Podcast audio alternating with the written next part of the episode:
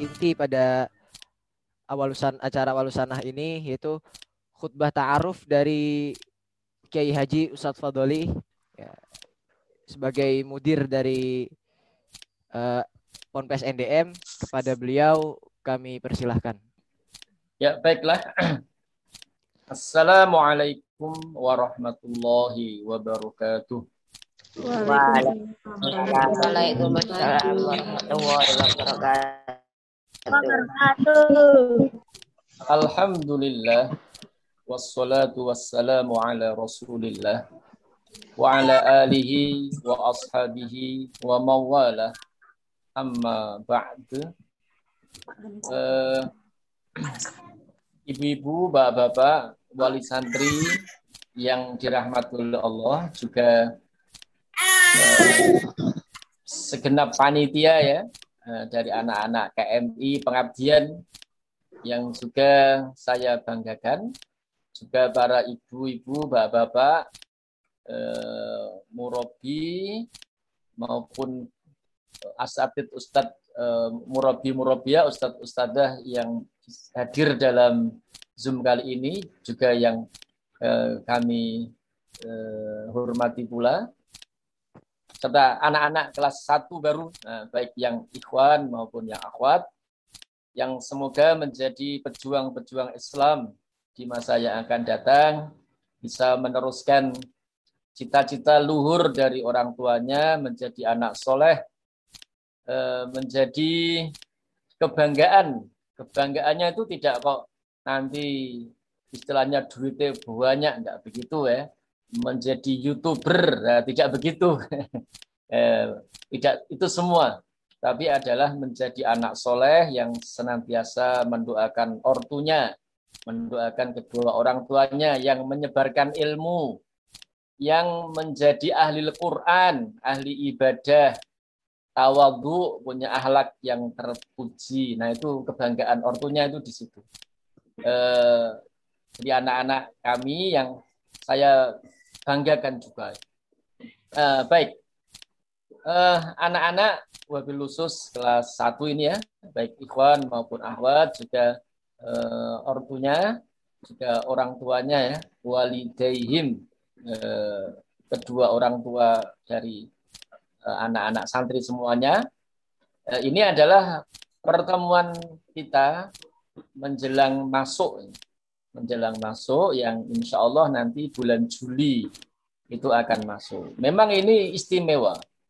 Istimewanya apa? Istimewanya itu eh, kita di masa pandemi kita mengira itu melandai terus. Tapi ternyata untuk hari-hari ini itu tidak melandai, tapi malah tsunami. Tsunami yang kedua, terutama di Jawa Tengah. Namun istilahnya apa? Kita tidak surut uh, untuk menunaikan kewajiban kita menuntut ilmu tentunya dengan ikhtiar ikhtiar supaya kesehatan para santri, para asatid itu terjaga. Juga kesehatan dari ortu uh, itu terjaga. Jadi memang ini antara kehati-hatian gitu ya, uh, itu dan uh, antara kita punya tanggung jawab untuk mendidik anak. Jadi memang tidak kehati-hatian uh, semata terus akhirnya kita tidak melakukan tarbiyah uh, juga bukan yang penting sekolah uh, tanpa memperhatikan aspek kesehatan itu juga tidak. Jadi ini memang perpaduan ya antara tanggung jawab kita untuk menuntut ilmu dan kehati-hatian. Jadi dua-duanya itu harus kita uh, akomodir kan ya. Mengenai nuntut ilmu jelas sekali. Uh, saat ini uh, banyak anak-anak seusia antuna antum antuna semuanya nah, itu punya cita-cita yang bermacam-macam ya. Kalau anak-anak zaman dulu itu kan misalnya cita-citanya itu jadi dokter, jadi insinyur, jadi peneliti. Tapi kalau zaman sekarang ditambah, yaitu masih ditambah lagi jadi youtuber ya, e, jadi macam-macam lah istilahnya saya tidak paham. Nah, di tengah-tengah uh, hiruk pikuk uh, yang sedemikian, antum dan antuna itu ternyata memilih pesantren. Nah, ya, sebagai apa ya jalan untuk menjalani hidup di masa yang akan datang. Tentunya ini pilihan yang semoga diridhoi oleh Allah Subhanahu wa taala. Kan begini. Kita ini kan istilahnya sekolah itu kan statusnya akreditasinya kan ya. Kalau zaman dulu kan terdaftar, diakui, disamakan. Kalau zaman dulu. Kalau zaman sekarang itu akreditasinya A atau B itu ya. Atau C kan. Kalau zaman sekarang begitu. Eh, jadi apa itu eh, orang menilai sekolah dan menginginkan anak-anaknya di sekolah yang mendapat akreditasi itu istilahnya kalau zaman dulu disamakan. Bahkan sekarang mungkin akreditasinya adalah eh, dikaitkan dengan internasional, kan dengan internasional. Itu kalau sekarang begitu. Nah, kita mencoba untuk melihat ya keadaan di luar sana seperti itu. Eh, terus kita juga melihat leluhur-leluhur kita dari kalangan para ulama, di kalangan para ulama itu ya, yang tidak sedikit dari para ulama itu juga mempunyai konsen dalam bidang pendidikan. Nah itu ternyata kan ya apa masalah sekolah yang akreditasi itu mungkin kalau kita cermati bagi mereka itu ya nomor sekian. Tapi yang terpenting adalah sekolah kemudian warga sekolah itu mendapat ridho dari Allah Subhanahu wa taala. Nah, ini mungkin kita tidak ingin istilahnya mencapai diakui ya, disamakan. Kalau sekarang ya istilahnya B atau A. Nah, tidak tidak itu, itu sambil jalan. Tapi yang paling penting adalah itu mendapat ridho dari Allah Subhanahu wa taala. Nah, dengan tanpa Eh, meninggalkan ya kita hidup di dunia ya istilahnya ada bekal untuk survive itu ada. Tetapi ibaratnya begini, ini tamsil ya. Kalau orang itu istilahnya mau beli sapi ya, mau beli sapi atau beli kambing gitu ya. Itu maka otomatis eh, ketika dia beli sapi atau kambing dia dapat tali kekangnya tali kekangnya. Tapi kalau orang itu istilahnya membeli tali kekang, membeli tali kekang, kan tidak mungkin dapat sapinya, tidak mungkin dapat kambingnya. Nah, pun pula kita memilihkan pendidikan ini adalah kita menginginkan pendidikan anak-anak kita adalah pendidikan dan arahnya adalah untuk mencari ridho Allah. Itu insya Allah dunia itu kita dapatkan. Apalagi Allah menjamin kita semua ya, bahwa setiap kita yang hidup di muka bumi ini pasti ada rezekinya. Wa ma min dabbatin fil ardi illa 'alallahi rizquha. Dan tidaklah yang melata di muka bumi ini kecuali Allah telah mewajibkan dirinya ya, dalam tanda petik loh ya. Illa 'alallah kecuali wajib atas Allah rizquha memberi rezekinya. Nah, jadi masalah anak kita jadi opo ben itu apa itu istilahnya kita hanya ikhtiar saja memberi bekal life skillnya sedikit gitu kan ya yang uh, bukan kok sedikit yang itu bisa mengarah anak-anak untuk dilatih nanti. Tapi pendidikan agama ini tidak boleh kita tinggalkan. Nah makanya di sini eh, pilihan dari Ananda semua ya, anak-anak semua calon wali santri yang memilih jalur pondok pesantren ini insya Allah sudah sesuai dengan sabda Nabi eh, man salaka tariqan yatlubu fihi ilman sahalahullahu tariqan ilal jannah. Nah, siapa yang menempuh satu perjalanan, satu jalan dia mencari di dalam jalan itu ilmu, maka Allah memudahkannya jalan menuju surga. Nah ini eh, keputusan ananda semuanya, anak-anakku semuanya, untuk memilih pondok pesantren ini insya Allah cocok eh, dengan petunjuk manusia yang paling mulia, manusia yang paling bervisi seantero jagat ini, yaitu Rasulullah Shallallahu Alaihi Wasallam yang mengarahkan. Oh, kalau jalan ilmu itu adalah jalan surga. Jalan surga itu eh, salah satu jalannya itu ada yang namanya jalan ilmu. Nah, maka anak-anak kita ini akan eh, mendapatkan ilmu-ilmu yang dibutuhkan sebagai seorang hamba, seorang Abdullah, seorang hamba Allah. Nah ini. Jadi bukan e, menjadi seorang ab ini itu bukan, tapi menjadi seorang Abdullah, menjadi seorang hamba Allah. Karena itu adalah kedudukan yang paling tinggi manusia di sisi Allah itu ya sebagai hambanya. Siapa yang paling menghamba pada Allah, dia kedudukannya tinggi. Siapa yang kemaki dari Allah, kedudukannya akan di dihinakan oleh Allah Subhanahu taala. Nah, menjadi seorang hamba ini itu ilmu ya. Ilmu itu adalah salah satu dari kuncinya. Salah satu dari kuncinya menjadi seorang hamba itu adalah ilmu.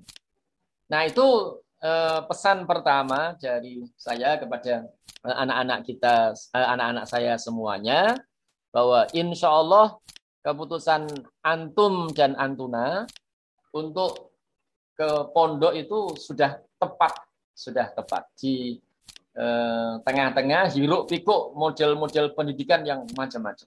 Nah, yang kedua, yang kedua ya. Nah, ini sekaligus mungkin untuk ortu, untuk ibu bapak semuanya, eh, para Abdi dan Umi ya, nyebutnya sekarang itu kan ayah, bunda semuanya, Abdi, Umi semuanya itu ya, Bapak Ibu semuanya. Nah itu gambaran ilmu yang akan diberikan di NDM itu seperti apa. Eh, ibu-ibu, bapak-bapak, uh, ayah, bunda yang dirahmati oleh Allah Subhanahu Wa Taala. Uh, jadi memang ada ya tiga lah. Ya kalau kita pres mungkin ya tiga lah tiga karena eh, apa kepondokan itu memang spesifik maka kita bagi tiga. Nah sebenarnya kita ini memang MTS ya MTS MTS eh, itu istilahnya apa ngikutin eh, pemerintah ya dalam hal memberikan regulasi pendidikan kepada anak-anak. Yaitu ada pendidikan umum ya, yang nanti tagihannya itu adalah eh, di akhir itu kalau normal ya, itu bahasa Indonesia, matematika, IPA, bahasa Inggris, gitu kan. Ditambah lagi beberapa pelajaran kayak IPS dan banyak banyak lagi. Eh, kemudian karena MTS ada pelajaran agama dan agama yang istilahnya apa terbagi menjadi lima. Eh, empat terkait agama langsung, satu alatnya. Eh, yang satu alat itu bahasa Arab, bahasa Arab. Kemudian Quran hadis, gitu kan ya. Kemudian eh, fikih, kemudian SKI, kemudian akidah akhlak. Nah itu ya, ada, ada lima. Nah, tapi untuk NDM itu tidak sekedar MTS, tapi MTS plus pondok pesantren. Nah, mungkin sedikit kami menyampaikan filosofi dari pondok pesantren NDM ini. Nah, jadi ibu, bapak-bapak, ayah, bunda yang dirahmati oleh Allah, eh, saya mencoba untuk istilahnya apa memeras dari pendahulu-pendahulu NDM. Kenapa dulu mereka mendirikan NDM? Nah itu memang adalah eh, pondok yang penuh perjuangan. Pondok yang penuh perjuangan. Kemarin itu saya waktu lebaran ya, silaturahim ke seorang tokoh, tokoh kesehatan di Solo. Eh, sudah lama beliau, sudah sepuh, umurnya hampir berapa ya? Ya 80 ke atas. sudah 80 ke atas. Saya silaturahim ke sana, eh, rupa-rupanya beliau itu masih ingat saya. Wah, Mas Fadoli, itu kan bilangnya. Wah, terus cerita, cerita dia itu terkesan ya, terkesan waktu masih pelajar dulu. Itu waktu pelajar dulu, beliau itu orang PII. Zaman dulu ada Persat, Persatuan Pelajar Islam Indonesia itu kan ya. Namanya PII. Nah, waktu itu trainingnya itu di NDM. Beliau ini cerita waktu saya lebaran kemarin. Nah, itu trainingnya di NDM. Wah, satu masih ingat kok Mas Fadli. Nah, sama istri juga saya ke sana kan cerita. Masih ingat ketika dulu saya sebagai anggota PI itu training di NDM. Nah, itu tahun berapa ya? Tahun 50-an lah gitu ya. 50-an 6 ya 50 60-an ya. Nah, beliau cerita begini. Saya itu terkesan eh, Mas Fadli waktu saya ikut training di NDM itu trainernya itu memberi apa itu istilahnya kayak training itu ya. Nah, yang saya kesan itu kan satu dia katakan trainernya katakan dia katakan politik is war gitu. Ya. Artinya politik itu perang. Nah, itu sejak dulu itu NDM itu sudah begitu. Eh, sudah apa ya, sisi-sisi perjuangan itu ada. Itu kan tahun tahun itu ya, tahun-tahun lama sekali. Ini tokoh eh, ada tokoh kesehatan di Indonesia namanya Dr. Jufri namanya. Eh, beliau katakan eh, waktu sebagai anggota PII eh, itu trainingnya di NDM, eh, terus diisi ya tadi itu materinya adalah politik is war. politik adalah perang. Uh, jangan anu merasa seram dengan kalimatnya training tadi ya. Tapi nilainya. Nah, nilainya kan saat itu kondisinya luar biasa kan tahun-tahun itu kan ya. Nilainya adalah nilai perjuangan. Nah, jadi ayah bunda yang dirahmati Allah. Jadi NDM ini memang ada pelajaran agama dari Kemenak, tapi memang memandang memandang ada nilai-nilai jihadiyah, nilai-nilai perjuangan yang dulu diemban oleh eh, pendiri-pendiri yang itu saya rasa perlu untuk diteruskan. Makanya tadi di pembukaan saya sampaikan adalah eh, di NDM ya, belajar ilmu dan juga perjuangan. Nah, tadi disampaikan begitu kan ya. Di depan itu seperti itu. Karena memang sejarahnya begitu. Sejarahnya seperti. Nah, maka ada kurikulum kepondokan. Ada kurikulum kepondok kepondokan yang itu melengkapi melengkapi mapel agama dari apa itu MTS yang regulasinya itu dari pemerintah. Nah, itu eh, kita lengkapi. Kita lengkapi dengan kurikulum pondok. Ibu-ibu, bapak-bapak, ayah bunda yang dirahmati oleh Allah, eh, kita ini tantangannya luar biasa. Saya itu sebenarnya ya, memasuki usia saya yang hampir 50 ini itu juga was-was. Was-was eh, dengan masa depan pendidikan Islam itu was-was. Karena apa? Tantangannya itu luar biasa besar. Tantangannya luar biasa besar. Apa tantangannya? Apalagi sekarang kan ya, tantangannya adalah dicanangkannya moderatisme sebagai landasan pendidikan Islam. Nah ini tentunya saya tuh kadang-kadang sedih sekali.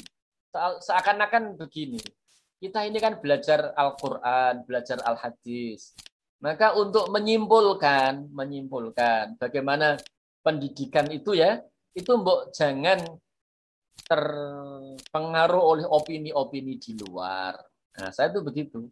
Makanya kita ini ya membangun pendidikan ya karena pendidikan Islam berdasarkan kitab buah yang kita pelajari dan hadis-hadis Nabi. Nah, itulah sisi dari kurikulum pondok, sisi dari kurikulum pondok yang perlu kami sampaikan sehingga memahami istilahnya kemurnian, kemurnian dari apa itu istilahnya pendidikan eh, Islam itu. Makanya ada kurikulum Kemenak eh, dan ada untuk ya melengkapinya, menyempurnakan, bisa juga mengkritisi jadi melengkapi, menyempurnakan bisa saja, eh, bisa juga itu mengkri, mengkritisi itu iya. Nah itu memang apa itu istilahnya yang eh, ingin kita tanamkan. Meskipun kita menyadari bahwasannya di lingkungan kami pondok itu ya heterogen memang. Ada guru-guru segala macam kan memang heterogen sekali.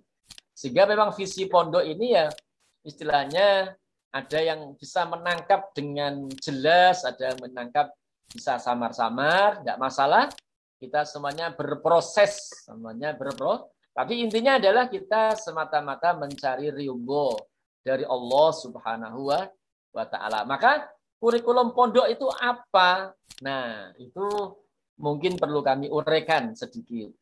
Yang pertama adalah itu ya. Karena ke depan itu kan kita menginginkan anak-anak kita itu istilahnya ya bisa memahami sakofah Islam dari sumbernya eh, maka itu alatnya bahasa Arab alatnya bahasa bahasa Arab. Maka bahasa Arab di NDM itu istilahnya menjadi hal yang istilahnya digarap. Digarap oleh pondok.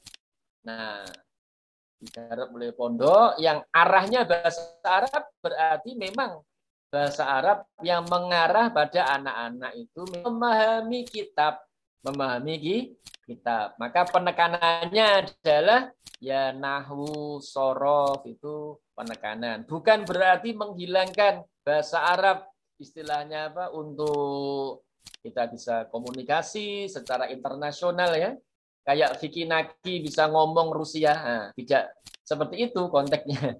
Bukan kalau kita kepingin apa ya istilahnya eh, pengembangan diri ya dalam bahasa intinya tidak di situ. Intinya adalah bagaimana nanti anak-anak bisa baca kitab. Uh, maka ulwadi nah, ada di nahulwa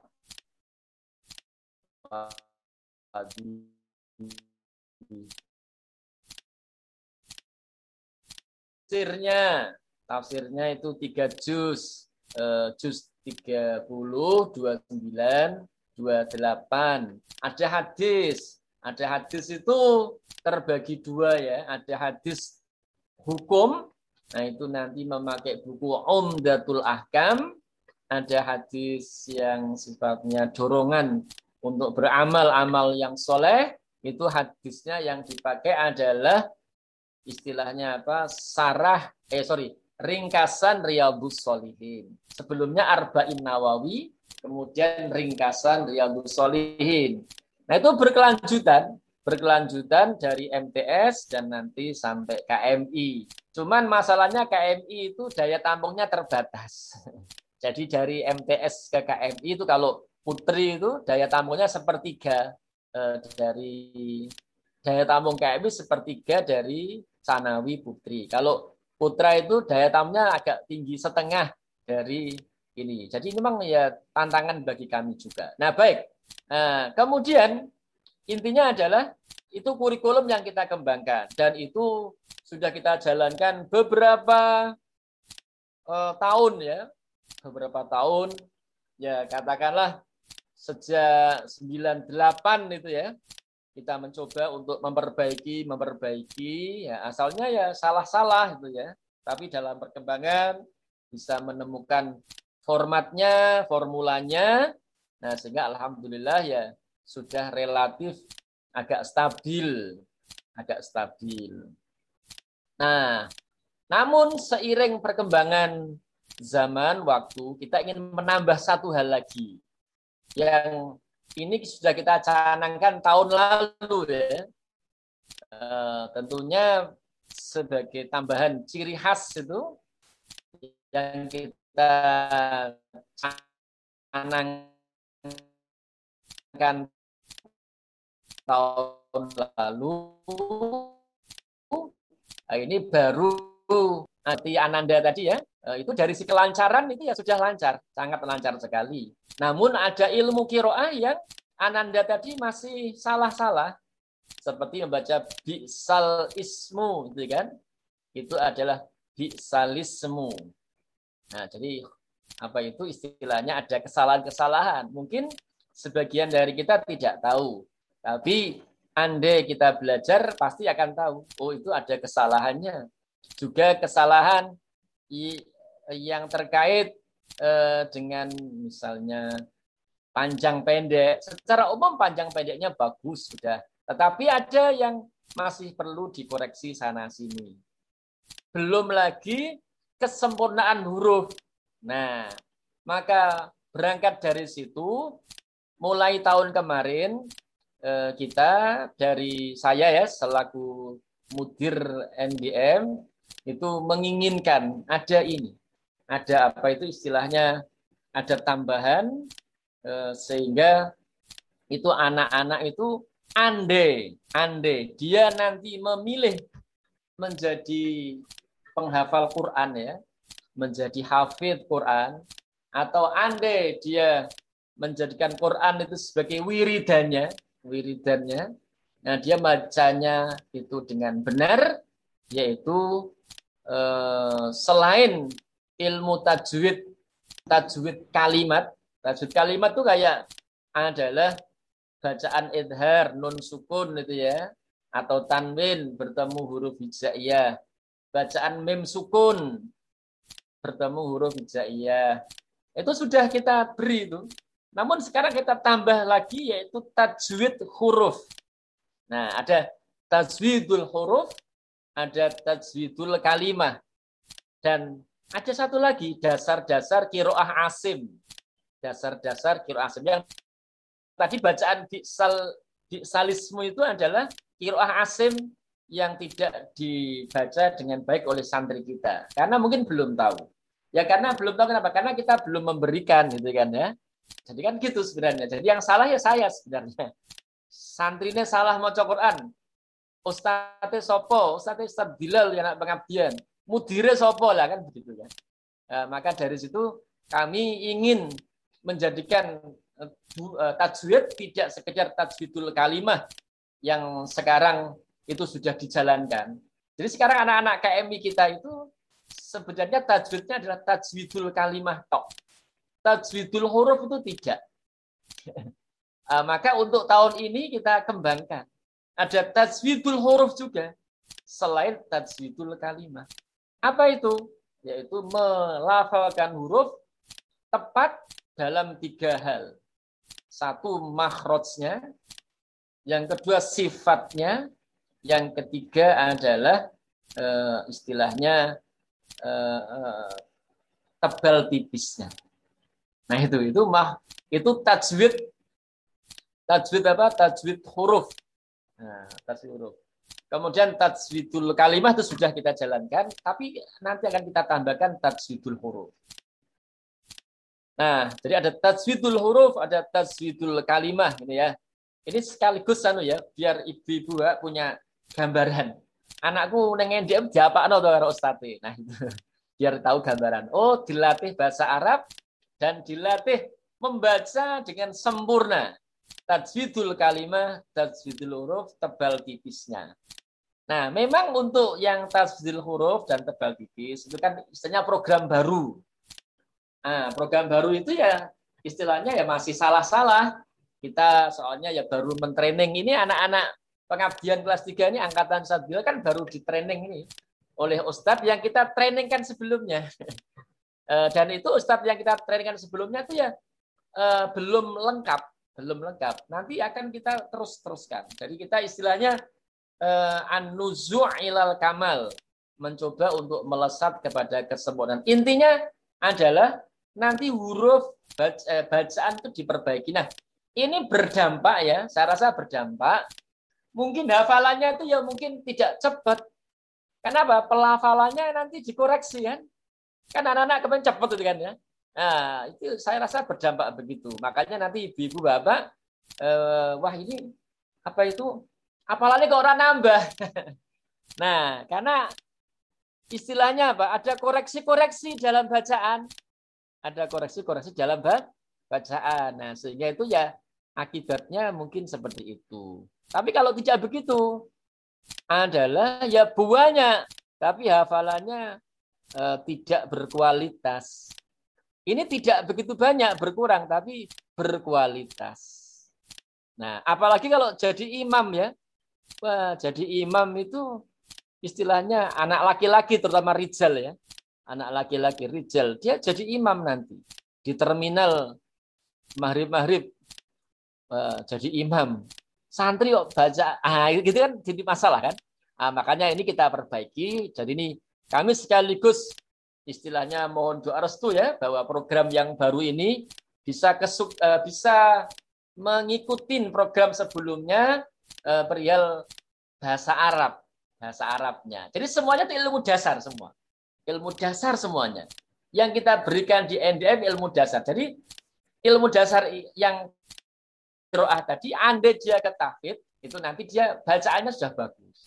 Dan nanti anak-anak kita mungkin ngerti eh, kalau apa ya istilahnya bisa mengkaitkan antara ilmunya dengan kelanjutan dia belajar itu dia oh kok bacaannya kurang ini tuh kok ngerti salah alasannya apa kan tidak sekedar menyalahkan eh, tapi ada argumentasinya nah ini semua eh, dasar-dasarnya akan kita berikan akan kita berikan. Nah, ini tambahan ya.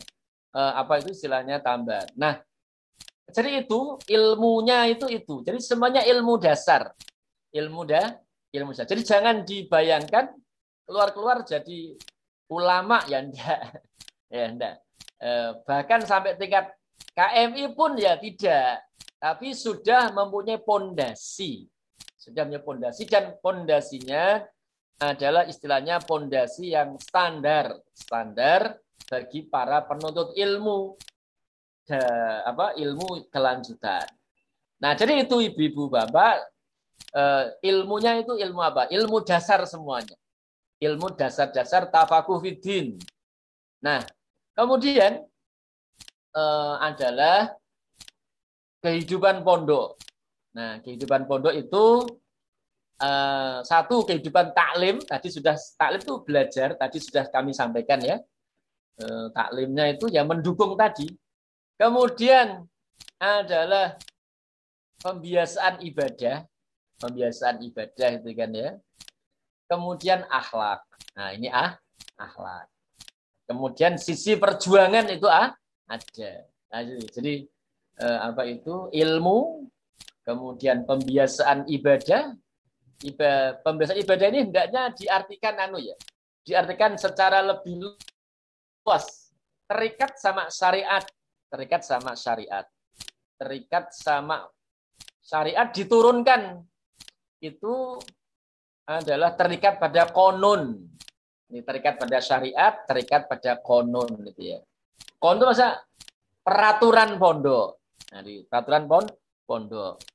Terikat pada konon. Ya, ini yang Pamitan monggo nanti bisa disemak di rekamannya ya. Nanti yang nyemak di rekaman itu nanti istilahnya kalau ada pertanyaan istilahnya lewat uh, chatting itu. Nah, kan ayah lewat kolom komentar. Nah, baik saya lanjutkan dulu. Ini yang ada yang pamit dilanjutkan sama apa itu sama istrinya katanya. Ya nggak apa-apa. Mungkin kerja. Soalnya sebenarnya rencananya kan hari Ahad, tapi Ahad saya ada acara penting tak ajukan Jumat. Uh, baik kembali tadi ya. Jadi il, uh, ilmu, jadi kan sorry di pondok itu ada kisem-kisem ya. Kisem taklim, nah kisem taklim itu kan proses mencari ilmu, berarti mendukung tadi ilmu-ilmu dasar itu. Kemudian membiasakan ibadah, kita kita uh, kita artikan secara lebih luas, membiasakan ibadah otomatis adalah menyenderungkan anak membuat anak itu cenderung untuk selalu terikat hukum syariat. Nah, gitu ya. Plus kita tambahkan nanti konun. Konun. Konun ini sebenarnya gabungan antara taklim sama sama apa itu e, membiasakan ibadah. Di taklim itu eh sorry, aturan pondok itu mendukung itu. Nah, ibu-ibu, bapak-bapak, ayah bunda yang dirahmati Allah, mungkin ini perlu kami sampaikan di awal bahwasanya eh, pondok itu kan jenisnya macam-macam. Pondok itu jenisnya macam-macam. Nah, NDM itu adalah yang mengambil jenis pondok itu ya tadi memberikan ilmu dasar. Dan itu istilahnya apa ya? Istilahnya eh, sak kerepotan sendiri. Sak ayahan sendiri ya. Nah, mak, maka NDM tidak mengambil jenis pondok yang lain misalnya jenis pondok kan ada jenis pondok ya. Ya lebih cenderung dia bengkel bengkel. Nah, mas, semoga bisa dipahami. Bengkel itu anaknya itu pak ini anak kayak gini-gini tolong neng pondok iso apik sebuah piye carane? Gitu kan ya. Nah NDM tidak jenis yang begitu. Ya jenis begitu. Mungkin ada kelemahannya. Wong pondok kok ora gelem direpoti. Mungkin begitu kan Iya itu kita pahami. Tapi karena keterbatasan kita sebagai pengurus, eh, maka kita tidak mengambil itu. Tapi mengambil ilmu. Maka konun pun itu menyesuaikan. Nah, sehingga kita kalau sekiranya ya eh, ada anak-anak santri ya, istilahnya tenaganya itu overdosis. Ini bahasa halusnya. Tenaganya berlebih-lebihan sehingga melakukan hal-hal yang itu istilahnya apa ya? Membuat kondisi pembelajaran itu terganggu terganggu. Eh, maka itu nanti ya ada peringatan-peringatan. Ada peringatan-peringatan. Mungkin ada peringatan satu peringatan dua. Tentunya ada pendekatan. Mungkin sebelum ke peringatan satu ada pendekatan biasanya personal Eh, pendekatan yang sifatnya adalah ya sebagai kakak terhadap adiknya. Pendekatan yang sifatnya ibarat eh, ayah kepada anaknya. Ibaratnya begitu. Eh, tapi itu ada batasnya. Jadi kalau memang tidak sanggup dan itu terlalu berat bagi pengasuh, eh, nanti ada semacam peringatan-peringatan kan ya, peringatan-peringatan dan bisa jadi itu kita mengembalikan gampangannya bahasa kasarnya dikeluarkan itu ya gampang gitu. Nah, gambarnya makanya anak-anak itu istilahnya jangan eh, apa ya istilahnya harus ah, bukan bukan jangan ini jangan itu. Karena fokus fokus untuk belajar, belajar dan belajar. Nah, dari gitu. Nah, eh, ayah bunda yang dirahmati Allah memang untuk mencapai apa hal semacam ini ya itu memang panjang, sangat panjang sekali dan prosesnya ya belum selesai sampai sekarang itu prosesnya belum selesai. Dalam arti dulu NDM menghadapi kasus-kasus kan, menghadapi kasus-kasus yaitu misalnya ada bullying ini ya. Tapi alhamdulillah jumlahnya semakin sedikit, semakin sedikit. Eh, alhamdulillah begitu. Makanya ini eh, apa kalau ada hal semacam itu uh, mari kita selesaikan bareng-bareng. Dan ingat ya, NDM itu adalah untuk taklim, bukan bengkel. Sehingga kalau ada hal kayak tadi itu, kalau dirasa sudah berat pengurus, eh, pengasuh, eh, padahal ini kita ada target-target ya, untuk taklim ya mungkin nanti bisa dikembalikan. Namanya ananda jangan sampai begitu. Jangan sampai seperti itu. Nah, baik. Jadi itu kisem taklim. Nah, kemudian ada kisem sekarang yang itu luar biasa pandemi kisem am amen dan sihah.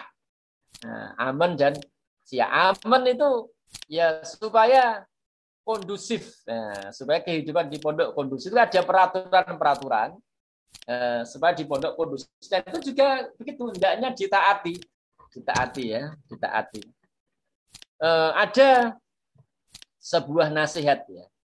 Nanti nasihat itu kita turunkan eh, kepada NDM. Maksudnya nasihat itu secara umum ya, eh, di mana ya intinya ada seorang alim memberi nasihat kepada apa ya kepada para pembelajar ilmu, nah, para pembelajar di nasihat.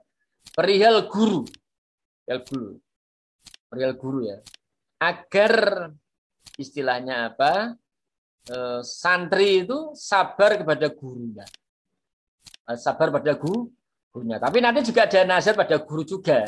Tapi ini yang kita tekankan nasihat eh, sang alim kepada para pembelajar agar para pembelajar itu sabar pada guru. Agar apa? Eh, apa ya istilahnya? Karena apa? Guru itu ya istilahnya ya punya ini, punya keleluasaan itu ya. Namun kita turunkan supaya supaya tidak apa itu istilahnya supaya tidak terlalu subjektif, maka kita tulis sabar kepada konon, sabar kepada peratu peraturan. Nah, ini kita turunkan ke situ. Kalau dulu kan para imam itu kan mengatakan sabar pada guru. Eh, seperti ada ya nasihat apa itu istilahnya Gus Kausar itu ya dari Lirboyo itu bagus nasihatnya tentang sabar pada guru dengan gaya bahasa beliau ya. Eh, guru itu ya bebas itu kan ya. Nah, kalau kita sedikit-sedikit eh, apa itu istilahnya mengadu mengadu perihal guru ya nanti malah nggak jadi. Nah, termasuk peraturan pondok itu kan ya mengikat pada ustadz juga. Nah, jadi nanti begitu. Jadi kita turunkan. Nah, supaya apa? Supaya nanti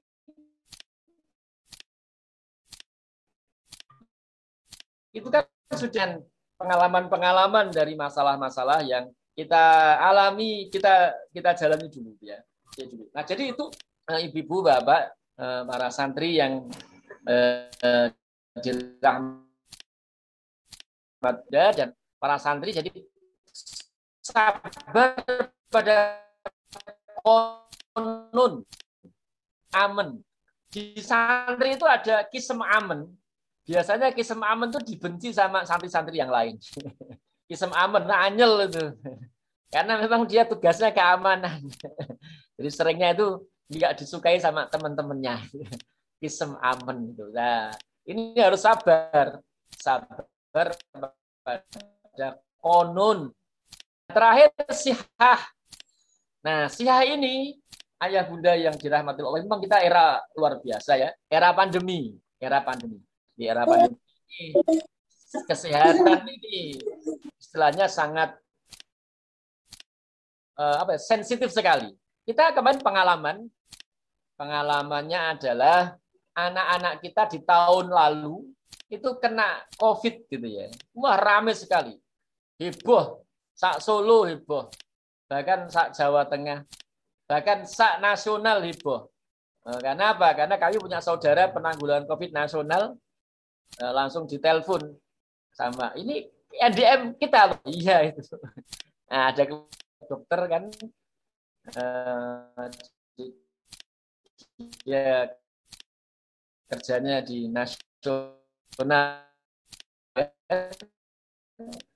Nah, maka dari itu memang pondok itu nanti berjalan tidak tidak sebenarnya apa? Karena dalam setahun anak-anak kita gilir. Untuk nisa itu ya, untuk nisa itu adalah empat bulan kelas satu, empat bulan kelas berikutnya, empat bulan kelas berikutnya. Untuk Rijal juga begitu. Tapi kemarin ada masukan untuk Rijal mau dicoba dulu, mau dicoba dulu. Di saat yang sama itu ada kelas 1 dan kelas 2. Nah, ada kelas 1 dan kelas 2. Jadi apa itu istilahnya? Kelas 1 dulu nanti kalau sudah stabil itu nanti kelas 2. Nah, itu ya. Nah, kalau teknis nanti sama ini ya, sama apa penanggung jawab masing-masing. Tadi maksudnya terkait ini nanti kapan itu ya nanti di grup-grup itu kan ya tapi saya memberikan gambaran umum eh, bahwasanya memang ini ada sihah ya yang itu masanya itu masa pandemi, masa-masa pandemi. Jadi ini ya istilahnya kita menghadapi tantangan yang berat. Makanya dibuat seperti tadi untuk nisa itu empat bulan eh, satu angkatan, empat bulan angkatan yang lain, empat bulan angkatannya yang lain lagi. Kalau apa itu Rizal tadi dicoba, ini angkatan pertama kelas 1 4 bulan. Nanti kalau stabil kelas 2 dimasukkan. Nah, sehingga di saat yang sama itu istilahnya ada dua angkatan untuk Rizal. Tapi kalau Nisa tidak memungkinkan. Karena apa? Jumlahnya terlalu banyak sekali. Eh, karena gedung yang kelihatannya besar itu ya, itu kan isinya ada lab, ada kantor, ada apa ini kan ya. Nah, kalau dulu enggak pandemi ya uyel-uyelan kayak iwak teri itu kan ya. Nah, ada pandemi ini ya tidak mungkin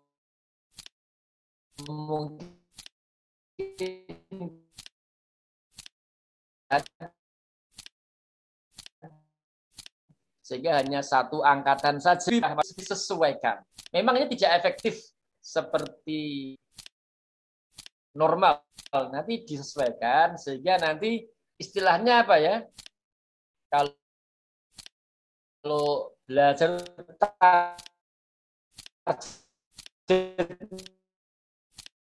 Nah, sepuluh sepuluh tidak bisa. Tentunya ini berdampak, iya memang berdampak. Eh, apa itu? Eh, tapi kita mencoba untuk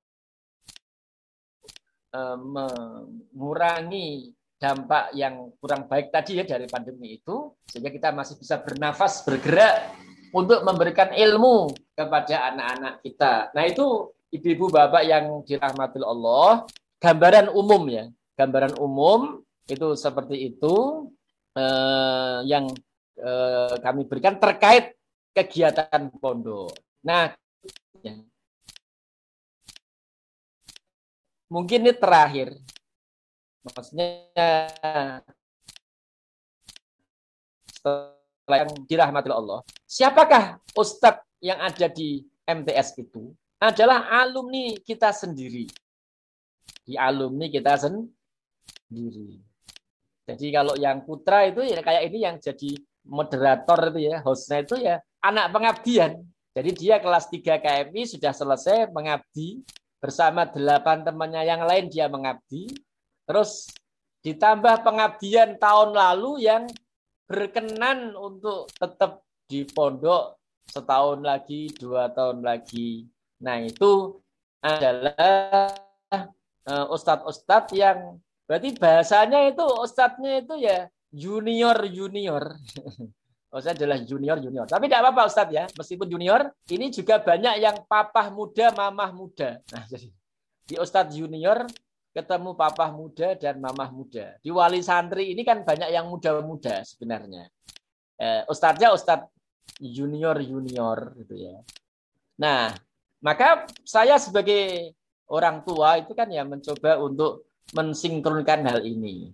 Tapi ada juga yang anak ragil itu ya berarti sudah tua-tua. ada yang ragil kan ya berarti tua. Maksudnya orang tuanya itu sudah mungkin lima mamah muda, papah muda.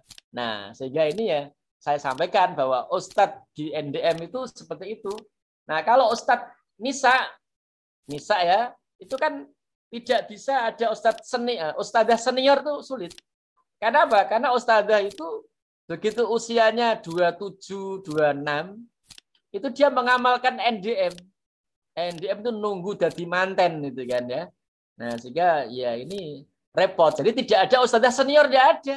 Karena apa? Karena ustadzah itu kalau sudah usianya 25, 26 itu ya harus nikah. Nah, sehingga relatif uh, ustadzah-ustadzah itu ya adalah fresh graduate. Alumnus baru dari pondok KMI NDM. Nah, itu rata-rata begitu. Jadi memang sangat muda. Bahasanya sangat kinis kinis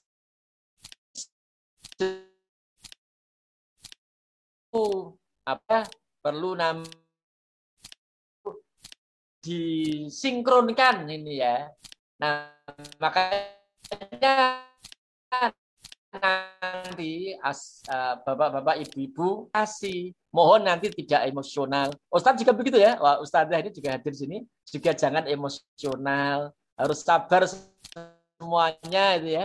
Sabar semuanya. Nah, baik itu saya rasa uh, tentunya belum tentunya saya tidak menjelaskan semua sampai peraturan-peraturan ya tidak, tapi ini filosofi uh, kenapa seperti itu Ya, ini kami sampaikan, kami sampaikan. Jadi pondok itu kegiatannya tadi ya.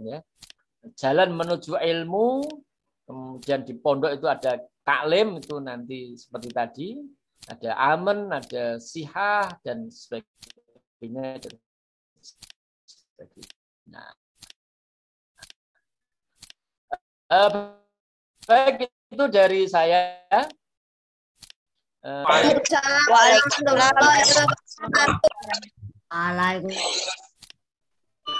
Baik. Jazakumullah khairan ahsanal jaza kepada Ustaz Fadoli.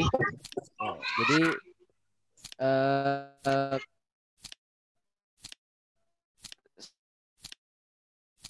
kulum yaitu yang kedua adalah tolabul ilmi ini yang sangat panjang ya artinya prosesnya tidak instan Ya, kemudian yang ketiga untuk ke depan NDM berusaha untuk mengupgrade terus dan untuk apa namanya berusaha untuk menjadi lebih baik ya. Kurang lebih seperti itu ya. Ibu-ibu dan bapak-bapak sekalian. Kemudian kita beralih kepada cara yang selanjutnya yaitu acara yang keempat adalah penyerahan atau uh, harapan dari wali santri kepada NDM yang akan diwakilkan oleh Bu Endah yaitu kembali dari Ananda Hafid Izudin. Kami persilahkan.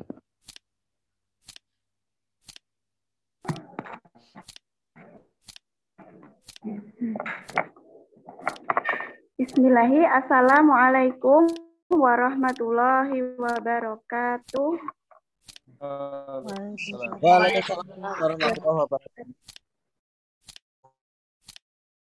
Wala Rasulullah bil huda wa dinil haq yudhiruhu ala dini kulli walau karihal musyrikun. Allahumma sholli ala Muhammad wa ala alihi wa sahbihi ajma'in.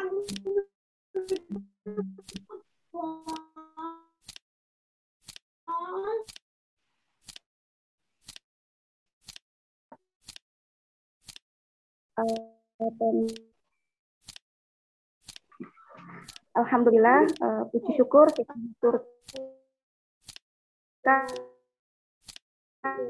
kan kepada karunia ya kata ya dan kenikmatan-kenikmatan yang lain sehingga kita bisa acara ini Nabi besar Muhammad Shallallahu Alaihi Wasallam.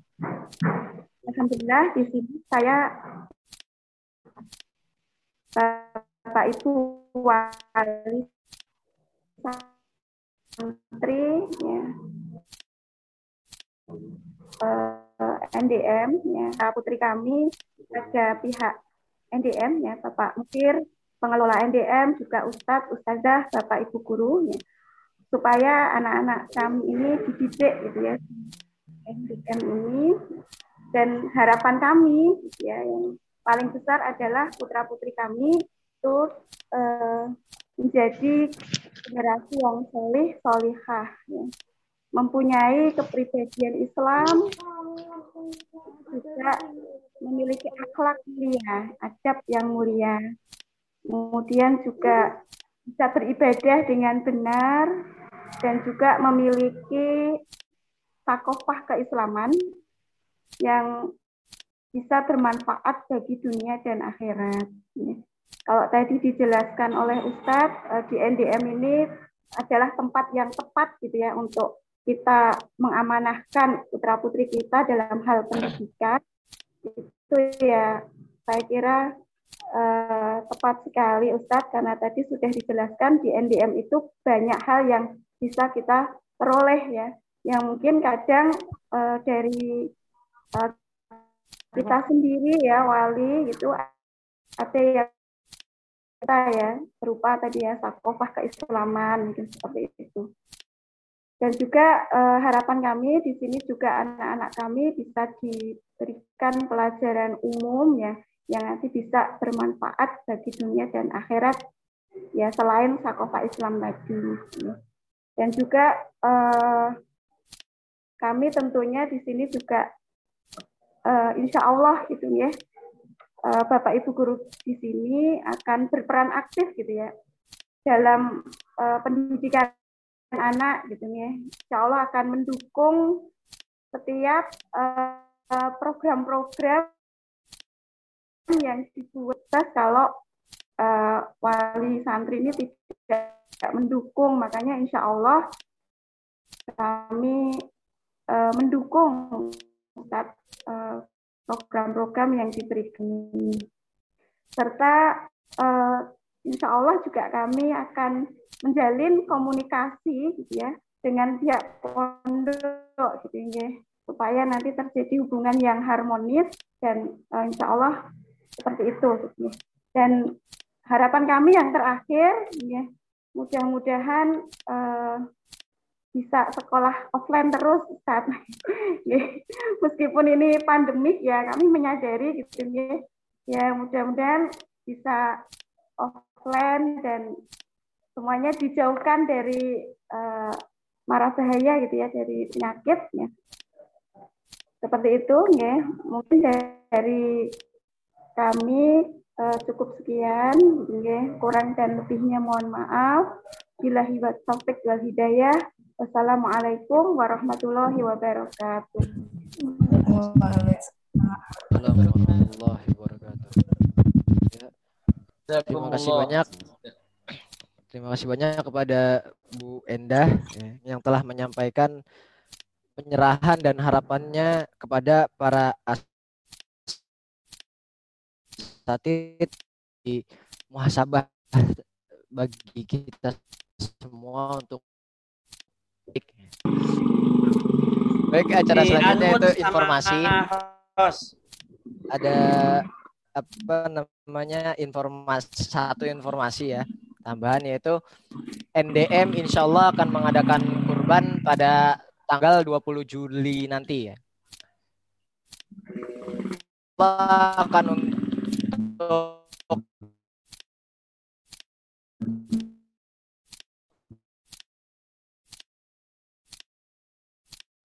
yang sudah di-share di grup.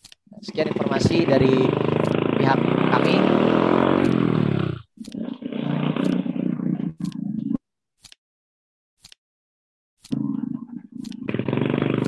sekian informasi dari pihak kami. Uh, terima kasih atas perhatiannya. Kemudian lanjut ke sesi acara selanjutnya yaitu doa yang akan dipimpin oleh Ustadz Fauzi. Assalamualaikum warahmatullahi wabarakatuh. Waalaikumsalam. Waalaikumsalam warahmatullahi wabarakatuh. Bismillahirrahmanirrahim. hamdan syakirin, hamdan na'imin. Hamdan yuafi ni'amahu wa yukafi'u mazidah. Ya Rabbana lakal hamdu kama yanbaghi li jalali wajhikal karim azimi sultanik. Allahumma salli wa sallim wa barik ala Sayyidina Muhammad wa ala ali Sayyidina Muhammad. اللهم اغفر للمسلمين والمسلمات والمؤمنين والمؤمنات الأحياء منهم الأموات. ربنا ظلمنا أنفسنا وإن لم تغفر لنا وترحمنا لنكونن من الخاسرين. اللهم ادفع عنا البلاء والوباء والزلازل والمحن وسوء الفتنة والمحن ما ظهر منها وما بطن. عن بلدنا إندونيسيا خاصة وعن سائر بلدان المسلمين عامة يا رب العالمين. اللهم أصلح لنا دنيانا ووسع لنا في دارنا وباركنا وبارك لنا في رزقنا. اللهم إنا نعوذ بك من ال الفسوة والغفلة والذلة والسكينة ونعوذ بك من الكفر والفسوق والشقاق والسمعة والرياء ونعوذ بك من الصم والبكم والجذام وسيء الأسقام. اللهم آت نفوسنا تقواها وزكاها. أنت خير من زكاها أنت وليها ومولاها. اللهم إنا نعوذ بك من علم لا ينفع وقلب لا يخشع ونفس لا تشبع ودعوة لا يستجاب لها. اللهم إنا نسألك خير المسألة وخير الدعاء وخير النجاة وخير الثواب. وثبتنا ونقل وثقل موازيننا. حقق إيماننا وارفع درجاتنا وتقبل صلاتنا واغفر خطيئاتنا. wa nas'aluka darajatil a'la minal jannah. Allahumma ja'al himmatana fil ilmi wa ta'lim wa janibna min abwabil ma'asi. Wa sallallahu ala sayyidina Muhammadin nabil ummi wa ala alihi wa sahbihi wa baraka wasallam Rabbana atina fid dunya hasanah wa fil akhirati hasanah wa qina adzaban nar subhana rabbika rabbil izzati amma yasifun wa salamun ala mursalin walhamdulillahi rabbil alamin. Assalamualaikum warahmatullahi wabarakatuh. Waalaikumsalam. Baik, terima kasih kepada Ustadz Fauzi. Kemudian kita beralih kepada acara yang selanjutnya yaitu penutup ya. Terima kasih kepada terima kasih saya ucapkan kepada segenap wali santri yang telah meluangkan waktunya untuk hadir ke acara ini. Semoga acara ini uh, diberkahi oleh Allah Subhanahu wa taala dan ke depannya kita mendapatkan yang terbaik ya untuk anak-anak sekalian, untuk diri kita pribadi dengan doa kafaratul majelis. Subhanakallahumma Kurang lebihnya mohon maaf. Akhirul kalam. Wassalamualaikum warahmatullahi wabarakatuh. Waalaikumsalam warahmatullahi wabarakatuh. Waalaikumsalam warahmatullahi wabarakatuh.